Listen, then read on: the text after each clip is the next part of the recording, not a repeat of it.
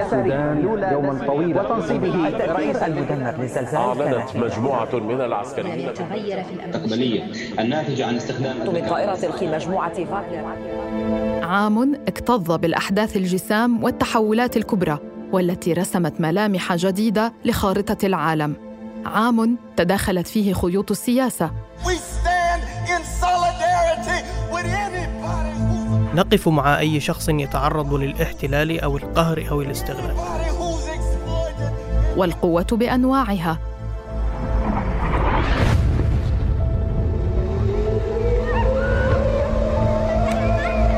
والمقاومة.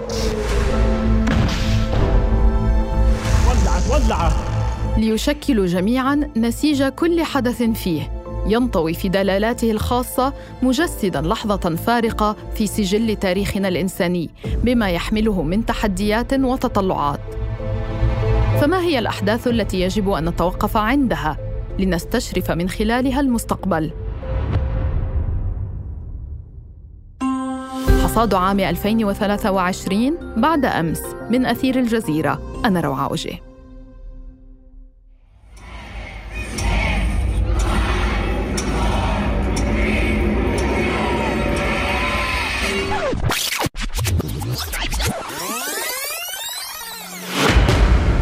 مئة وثلاثة وثمانون جبهة مستعرة. عام 2023 سجل الرقم الأعلى منذ ثلاثة عقود في أعداد جبهات الحروب والصراعات حول العالم.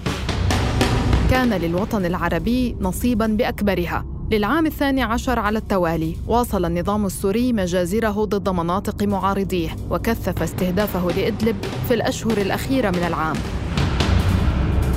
فلليوم الثاني على التوالي تواصل قوات النظام قصف بلدات وقرى في ريفي إدلب وحلب ما أوقع قتلى وجرحى بينهم نساء وأطفال. فيما لم تهدأ وتيرة الحرب الروسية الأوكرانية رغم مرور أكثر من 22 شهراً وسط دعم غربي سياسي وعسكري للجيش الأوكراني لم ينقطع في مواجهة الطموح الروسي المتصاعد. قال وزير الخارجية الروسي سيرجي لافروف إن الرئيس فلاديمير بوتين أبلغ الغرب أنه كلما زاد أسلحته إلى أوكرانيا فسوف تزيد روسيا من مساحة العملية العسكرية في أوكرانيا. لكن صراعا جديدا دخل على الخط. في السودان نشب نزاع مسلح بين قوات الجيش بقيادة لواء عبد الفتاح البرهان وقوات التدخل السريع بقيادة محمد حمدان دقلو الملقب بحميتي بعد أن حاول الأخير الانقلاب عليه. أكثر من عشرة آلاف سوداني. سقطوا ضحايا هذا النزاع الذي شرد أيضا في ثمانية أشهر ما يزيد عن ستة ملايين مواطن وأجبرهم على النزوح داخليا أو اللجوء إلى الخارج. معاش السودان يوما طويلا منذ الصباح تضاربت في أحداثه الروايات بين معسكرين أحدهما الجيش السوداني والآخر قوات الدعم السريع وكل منهما يلقي باللائمة فيما جرى اليوم على الطرف الآخر. لكن المؤكدة وسقوط قتلى وجرحى من المدنيين. تصدر السودان العناوين لفترة إلى أن أتى السابع من أكتوبر. يوم سيبقى مفصليا في تاريخنا الحديث. فمن جهة أتى فعل المقاومة مفاجئا حتى لأهلها تحديدا على مستوى حجم العملية وقدرتها على اختراق غلاف غزة والخسائر التي تكبدها الجانب الإسرائيلي. أبناء شعبنا الفلسطيني أبناء أمتنا العربية والإسلامية. أنتم اليوم على موعد مع النصر العظيم من على جبهة غزة العزة بدأ طوفان الأقصى وفي الجهة المقابلة كان الرد الإسرائيلي والذي أتى بحجم إبادة جماعية حصدت حتى الآن أكثر من عشرين ألف شهيد وخمسين ألف مصاب ومليون وثمانمائة ألف نازح אזרחי ישראל היקרים, אנחנו ננצח במלחמה הזאת. أعزائي مواطني إسرائيل سننتصر في هذه الحرب رغم الثمن الباهظ. الحكومة كلها وراء هذا القرار. سندمرهم وسننتقم بقوة لهذا اليوم المظلم الذي فرضوه على إسرائيل ومواطنيها. حرب عنوانها نزع الستار بالكامل عن ازدواجية المعايير للكثير من دول العالم. أظهرت مدى ضعف وهشاشة العديد من المنظمات الدولية المعنية بالحفاظ على السلم العالمي والدفاع عن القانون الدولي الإنساني. لكنها أيضا حرب فاجأت صناع السياسة الغربية والإسرائيلية إذ كشفت عن جيل جديد من الشباب مطلع على القضية الفلسطينية والتي طالما سعى المحتل الإسرائيلي لمحوها من الذاكرة الإنسانية. جيل لا يتوانى عن دعم القضايا التي يراها عادلة ولا يستقي معلوماته من القنوات الرسمية. وبالتالي خارج نطاق سيطرة الأنظمة العالمية. أشعل هؤلاء الشباب موجات تضامن شعبي عالمية غير مسبوقة ما دفع أصحاب القرار لتعديل نبرة خطابهم وتخفيض طموحاتهم الدموية وإعادة التفكير في سيناريوهات لإنهاء الحرب على غزة بعد أن كان الحديث عن موعد نهايتها من المحرمات. من أجل فلسطين العاصمة واشنطن. عمليا تلونت بالعلم الفلسطينية زي الرسمية اليوم والكوفية الفلسطينية. كما تشاهد الآلاف أرادوا جاءوا ليسمعوا صوتهم بضرورة وقف الحرب وقف إطلاق النار فورا وقف الدعم الأمريكي دعم إدارة بايدن لإسرائيل. هؤلاء يريدون كما يقولون أن تكون فلسطين حرة.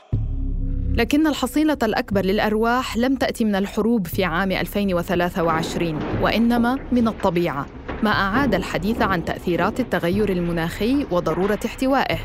أربعة زلازل مدمرة في عام واحد. ففي تركيا وسوريا أسفر زلزال مدمر ضرب البلدين عن قرابة خمسين ألف قتيل وما يزيد عن 120 ألف مصاب. بالإضافة لخسائر اقتصادية قدرت بما يفوق 120 مليار دولار. أما في المغرب فقد تسبب الزلزال الذي ضرب عدداً من مدنه عن 2960 وفاة و6125 إصابة. وفي أفغانستان حصد زلزال ولاية هرات غربية البلاد أرواح ما يزيد عن ال 2500 بالإضافة إلى 2000 إصابة. زلزال تاريخي في تركيا إذا هذا ما تؤكده درجة الزلزال والمناطق المتضررة.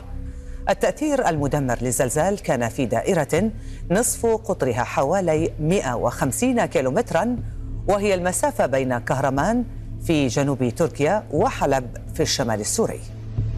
لم تقتصر الكوارث الطبيعية على الزلازل فحسب بل رافقتها الأعاصير. الأقوى كان إعصار دانيال الذي ضرب شمال شرق ليبيا مخلفا أكثر من خمسة آلاف قتيل إلى جانب آلاف المفقودين والمصابين. لكن رغم التحذيرات الأممية المتكررة من التأثير الكارثي الذي يمكن أن يحدثه تغير المناخ في عالمنا ورغم الكوارث التي رأيناها بأم أعيننا يرجح علماء المناخ بقوة إعلان عام 2023 أكثر الأعوام سخونة. والسبب في ذلك يرجع للزيادة المضطردة في حجم وسماكة الغلاف الذي تشكله انبعاثات الغازات الدفيئة حول الأرض ما يؤدي لاحتباس حرارة الشمس داخل غلافنا الجوي أكثر وأكثر مع مرور الوقت. سخونة العام غير المسبوقة شكلت دافعا للمجتمعين في قمة المناخ لهذا العام لاعتماد قرار أوصف بالتاريخي يقضي بالتحول باتجاه التخلي عن الوقود الأحفوري بهدف الوصول إلى الحياد الكربوني في عام 2050 لكن هل فعلا ستلتزم الدول الصناعية الكبرى بتنفيذ هذا القرار؟ نركز اليوم على الحلول المناخية والمهمة حرجة وطارئة. فقد فتحت الإنسانية أبواب الجحيم على مصراعيها. إذ لم يتغير في الأمر شيئا سنواجه ارتفاع في درجة الحرارة يصل إلى 2.8 درجة مئوية. أي توجيه العالم نحو خطر وعدم استقرار. عام إذا هو الأكثر سخونة من ناحية المناخ ومن ناحية الصراعات لكن أيضا في التحولات السياسية. بدأ العام بأداء لولا دا سيلفا اليمين الدستورية كرئيس للبرازيل معيدا اليسار إلى السلطة من جديد في البلاد. وسط موجة من الاحتجاجات والاضطرابات وصلت حد اقتحام عدة مقرات حكومية وقصر رئاسي من قبل أنصار منافسه اليميني المتطرف جايير بولسونارو والذي غادر البلاد قبل يومين من انتهاء ولايته كرئيس سابق خاسر. في مشهد غير مسبوق في تاريخ الديمقراطية البرازيلية اقتحم مؤيدون للرئيس السابق جايير بولسونارو. مراكز الحكم الثلاث في البرازيل وذلك رفضا لانتخاب الرئيس اليساري لولا دا سيلفا وتنصيبه رئيسا للبلاد بعد خسارة الرئيس السابق بولسونارو ومغادرته للبلاد. وعلى الجانب الآخر من المحيط وبالتحديد في المملكة المتحدة ارتدى شارلز الثالث ثوب الملكية في مراسم رسمية حملت وقع التاريخ وسط تساؤلات من أجيال الشباب حول دور الملكية ببلادهم في العصر الحديث. أنا تشارلز أقسم وأعلن بأنني سأقوم بالإيفاء بكل ما هو متطلب مني حسب القانون. وفي تركيا حيث تشبه السياسة أحيانا العاصفة أعاد الشعب انتخاب إردوغان من جديد لفترة رئاسية أخيرة في تأكيد على استمرارية القيادة وسط موجة من التغيرات الإقليمية والكثير من التحديات الاقتصادية والسياسية المتزايدة.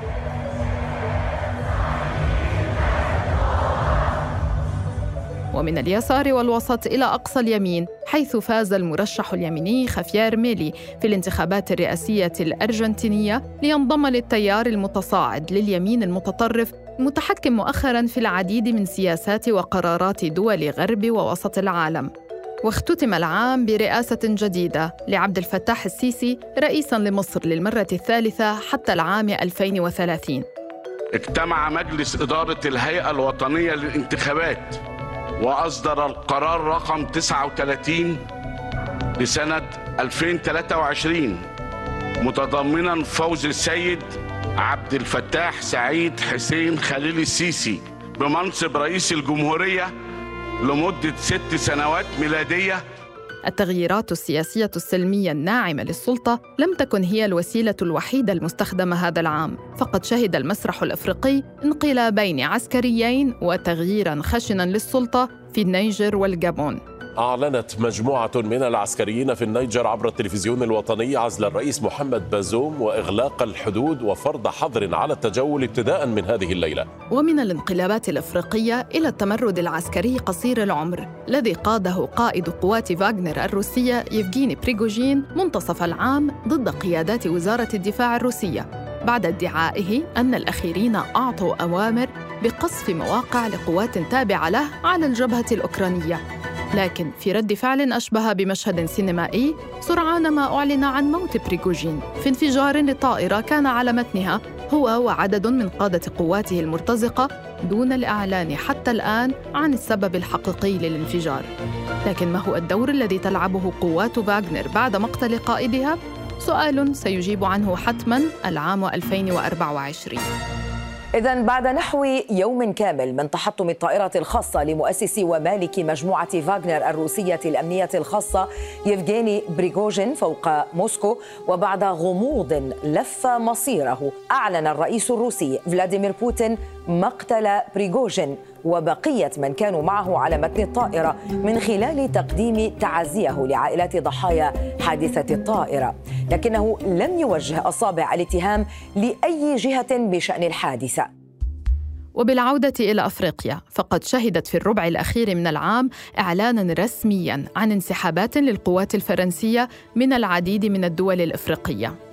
بعد عقود من التواجد والهيمنة تقليلا للعديد من الخسائر كان على رأسها التكلفة الاقتصادية خاصة في ظل ما تواجهه فرنسا من صدمات داخلية. بدأت منذ العام 2018 مع تظاهرات أصحاب السترات الصفراء ثم أزمة كورونا وتداعياتها الاقتصادية ومن بعدها الحرب في أوكرانيا وما تحملته باريس من أعباء مالية وعسكرية. تبعها مظاهرات وإضرابات النقابات العمالية منتصف عام 23 ضد قانون رفع سن التقاعد واختتمت بالمظاهرات الاحتجاجية التي تبعت مقتل الشاب نايل مرزوق على يد شرطي. لتتصاعد الأحداث وتشمل حرقا للسيارات وبعض المباني العامة وإصابة ما يزيد عن 500 شخص واعتقال أكثر من 2400 آخرين. نحن نعيش منذ أعوام وليس فقط منذ هذا الصيف نهاية الرفاهية. لم تكن فرنسا البلد الوحيد الذي عانى من اضطرابات شعبية لأسباب اقتصادية في العام المنتهي والذي وصفه البنك الدولي في حصاده بأنه عام انعدام المساواة خاصة للدول الأشد فقراً. ارتفاع غير مسبوق في مستويات الاقتراض في خضم أكبر قفزة شهدتها أسعار الفائدة العالمية على مدى أربعة عقود ما أدى إلى ارتفاع عدد الدول المتخلفة عن سداد ديونها السيادية إلى 18 دولة وهو عدد أكبر من العدد المسجل في العقدين الماضيين معاً. قفزة أيضاً في معدلات الفقر حيث وصل عدد من هم تحت خط الفقر حول العالم لأكثر من 700 مليون شخص. قرابة ربعهم في الوطن العربي وحده بما يعادل ثلث العرب. والمستقبل القريب لا يبدو مشرقا إذ يتوقع خبراء اقتصاديون استمرار معاناتهم في ظل ما وصفوه باستمرار التباطؤ الشديد للنمو العالمي في مواجهة معدلات التضخم بالإضافة للتأثيرات السلبية المتزايدة للصراعات المسلحة والتغيرات المناخية. نتوقع أن يدخل ثلث اقتصاد العالم في حالة ركود لماذا؟ لأن الاقتصادات الثلاث الكبرى الولايات المتحدة والاتحاد الأوروبي والصين تتباطأ جميعها في وقت واحد ومع الأزمات تضاعفت مساعي التنافس الدولي بما يشبه الحرب الباردة. لكن هذه المرة بأبعاد وأنماط جديدة وأكثر حداثة. فمن مناطيد صينية تجسسية تسبح في سماء القارة الأمريكية أسقطت الولايات المتحدة إحداها هذا العام من مجالها الجوي ورصدت آخر فوق دول في أمريكا اللاتينية. إلى إعلان روسيا انسحابها من معاهدة نيو ستارت المعنية بتخفيض الأسلحة النووية مع الولايات المتحدة. تلك المعاهدة الوحيدة المتبقية لمراقبة الأسلحة النووية بين أكبر قوتين نوويتين بالعالم بعد انسحاب موسكو عام 2019 من معاهدة الأسلحة النووية متوسطة المدى والموقعة مع واشنطن عام 1987 انسحابات عكست تغييرا جذريا في السياسات الروسيه الخارجيه وتدعو للقلق حول استقرار الامن العالمي ومستقبل السباق نحو التسلح Кто бы не пытался помешать нам, а тем более создать угрозы для нашей كل من يحاول عرقلتنا أو خلق تهديدات لبلدنا أو شعبنا سيكون رد روسيا فوريا وسيقودكم لعواقب لم تشهدوها من قبل في تاريخكم. الذكاء الاصطناعي هو أيضا كان مدعاة قلق على صعيد عالمي بين الأفراد والمؤسسات والحكومات سواسية. قلق دفع العديد من الدول وشركات التكنولوجيا الرائدة للتجمع هذا العام في القمة الأولى من نوعها لسلامة الذكاء الاصطناعي لوضع مجموعة من الإجراءات والتدابير السريعة والمحددة لتعزيز سلامة الاستخدام العالمي له والحرص على التوجيه الآمن لما شهده العام المنقضي من طفرة في المجال كان من بينها التحسينات التي طرأت على النماذج اللغوية مثل تشات جي بي تي 4 والتي قدمت بدورها فهما أعمق للغاتنا البشرية وإجابات أكثر دقة وإرضاء لمستخدميها. لكن بقيت المخاوف دون إجابة حول توسع استخدامات الذكاء الاصطناعي في التجسس والرصد وفي تصميم وتطوير الأسلحة مؤخرا. وقد شهدنا الاعتماد عليه في الحرب الإسرائيلية على غزة حيث بدا استهداف المدنيين أوسع مما يدعيه مطورو الذكاء الاصطناعي القتالي.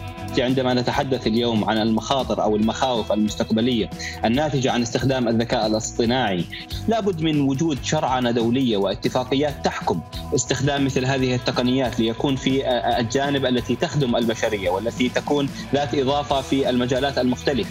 وبالتالي هذا لابد أن يكون مناط بمجموعة من الاتفاقيات الدولية مجموعة من الأطر.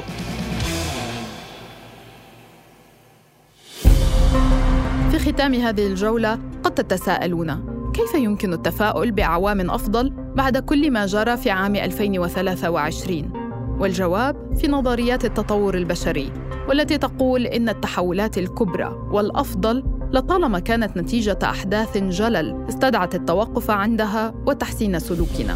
فما الذي سيحمله العام الجديد من مراجعات كبرى لنفوذ وقوانين نتيجة العام المنصرم؟ وما هي أحداث العام الجديد التي ستغير شكل العالم؟ ايا كانت سنتابعها معكم في بعد أمس من أثير الجزيرة. تابعونا عبر كافة منصات البودكاست وأرسلوا لنا تعليقاتكم وتساؤلاتكم عبر كافة حساباتنا على مواقع التواصل الاجتماعي. دمتم بخير ونلتقي بعد أمس.